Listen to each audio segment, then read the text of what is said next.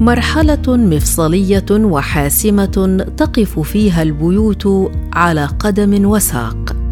هكذا تبدو فترة امتحانات الثانوية العامة في أي دولة عربية. لكن عند الفلسطيني تحديدا ابن التوجيه له حكاية خاصة. حكاية عنوانها الوضع غير طبيعي. بتخلي هالمرحلة الفارقة في حياة طالب التوجيه غير عادية وغير طبيعيه توتر وقلق وخوف. أضف عليهم الكثير من الفقر وسوء المعيشة. ولكن ماذا لو مزجنا هذه المكونات بأصوات الطيران وتفريغ الهواء التي تشبه أصوات القصف؟ هالخلطه كفيله انه طالب التوجيه في غزة يكون في حالة استثنائية؟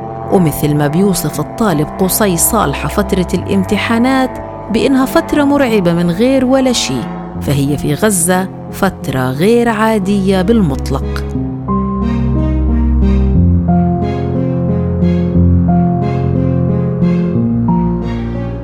بتحاول عائلة قصي إنها توفر كل سبل الراحة لكن في صوت بسبب لقصي التوتر وبيشكل عامل ضغط نفسي أشبه بوسائل التعذيب في السجون.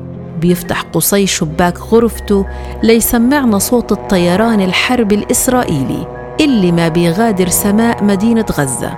وكمان بيتذكر توجيه 2020 اللي امتحن فيه الطلاب بعد الحرب مباشرة.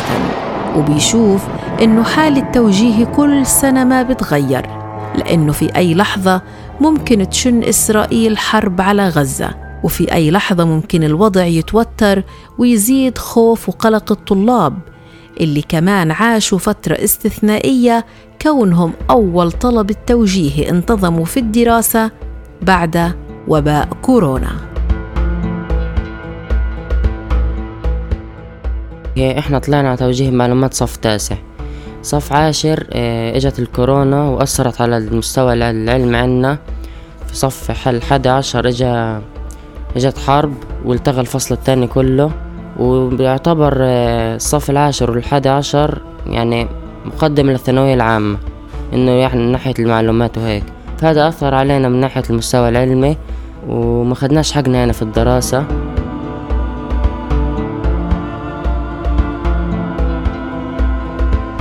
بالنسبة للظروف الاقتصادية والمعيشية عنا صعبة في غزة يعني الطالب ممكن يكون متميز بس بعاني من الفقر. وسوء. وفي عندهم سوء تغذية وبصير الطالب يفكر لقدام إنه هل أنا لما أجتهد وأجيب معدل عالي هل حيقدر أهلي يدخلوني التخصص اللي بدي إياه بصير يحسب الطالب مليون حساب يعني وممكن يأثر حتى عليه ممكن كتر التفكير يعمل له إحباط نفسي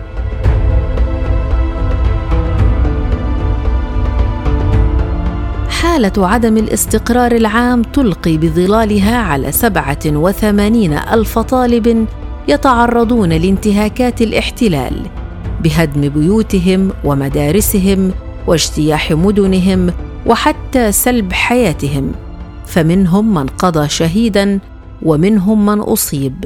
أما في غياهب سجون الاحتلال فما يقارب من 26 طالبا حرموا من الامتحانات هذا العام. وفي غزة تحديدا يضاف إلى كل ذلك جرعة يومية من الهموم المتراكمة. فالطلبة لا يمتحنون في ظل أجواء متوترة فحسب ولا يخشون التصعيد المحتمل فقط. بل إنهم أمضوا عامهم الدراسي بأكمله في ظل ظروف إنسانية ومعيشية صعبة كان لها بالغ الأثر عليهم وتسببت بمزيد من الاضطرابات النفسية وحتى الجسدية والتي يرى الدكتور هشام غراب أستاذ علم النفس أن تأثيرها ليس مرحليا وإنما تنعكس سلبا على نفوس الطلبة الذين يشغلهم التفكير بغدهم. خصوصا في مدينة كغزة يحاصرها الاحتلال من كل جانب.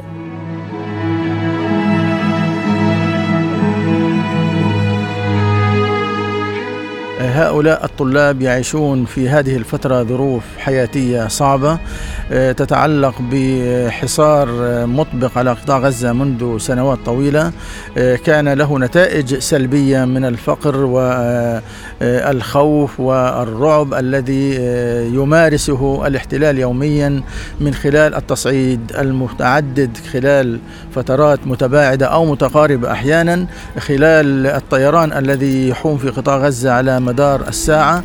كل هذه الظروف الضاغطة تؤثر على ظروف الطلاب آه، ودراستهم وخاصة في فترة الامتحانات حيث يشعر الطالب بعدم القدرة على التركيز وعدم القدرة على الأداء الجيد والمناسب. طبعا لأن الظروف الضاغطة السابقة كان لها الأثر الكبير. كذلك نلاحظ أن الحالات آه، الفقر الشديد والمدقع التي نتجت أيضا عن الحصار آه، أدت إلى أن كثير من طلبة الثانوية العامة يتوجهون أحيانا للعمل في ظروف صعبة جدا آه، ويتركوا الدراسة لفترة طويلة مما يؤثر على أدائهم في فترة الامتحانات. كذلك الظروف المستقبلية. التي ينتظرها الطالب هي غامضة وغير واضحة وأيضا تزيد من مستوى التوتر والقلق لدى طالب الثانوية العامة. فكل طالب على مستوى العالم عندما يتخرج من الثانوية العامة يجد فرص التعلم والتعليم بشكل مباشر في التخصصات التي يحتاجها في أي جامعة من جامعات العالم. أما طلابنا في الحقيقة في قطاع غزة فهم في حالة من الحصار المطبق. لا يستطيع الطالب الخروج من قطاع غزة إلا تحت ظروف صعبة جدا وتحت شروط صعبة جدا. الطالب أيضا لا يستطيع الدراسة في الجامعات الفلسطينية حتى بسهولة لأنه يحتاج إلى آه، دفع رسوم آه، مختلفة حسب طبيعة التخصص وهذا طبعا نتيجة الفقر غير متوفر بالشكل المناسب والمطلوب وهذا أيضا أحد دوافع التوتر والقلق لدى طلاب الثانوية العامة.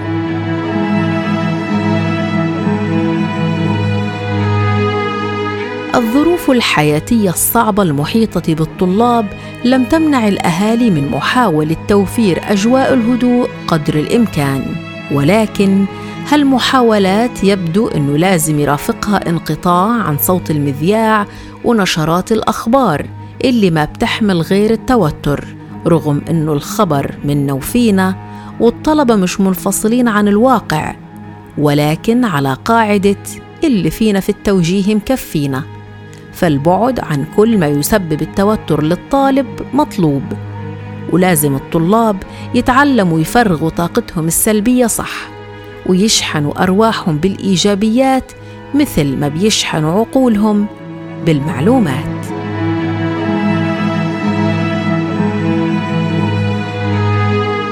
أيضا يعني نطلب من الطلاب مزيدا من الاسترخاء في فترة الامتحانات من خلال سماعهم للقرآن الكريم من خلال سماعهم لبعض الموسيقى الهادئة التي من الممكن أن تبعث في نفوسهم الراحة والطمأنينة. ممكن أن يمارس الطالب بعض الأنشطة الرياضية داخل البيت أو خارج حتى البيت. ممكن أن يخرج بنزهة قصيرة إلى شاطئ البحر في قطاع غزة. الأسرة الفلسطينية أيضا حتى والطالب مطالبين بعدم الاهتمام الاهتمام بكل الأخبار الجانبية التي آه، تتعلق بالتصعيد أو تتعلق بمشكلات مع الاحتلال أو تتعلق حتى بمشكلات اجتماعية. لابد أن نتجنب هذه الأخبار بشكل كامل سواء الأسرة أو الطالب. ثم نطلب من الأسرة أيضا أن تكون داعمة نفسيا لابنها.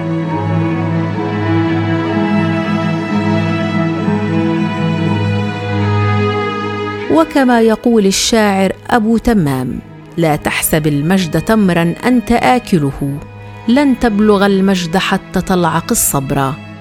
فالفلسطيني اعتاد الحياة غير العادية ليس رغبة في التأقلم وإنما اضطرارا. فتجد الأمهات يلاحقن الأبناء بالصلوات والدعوات ويبث الآباء الأمل في نفوس الأبناء.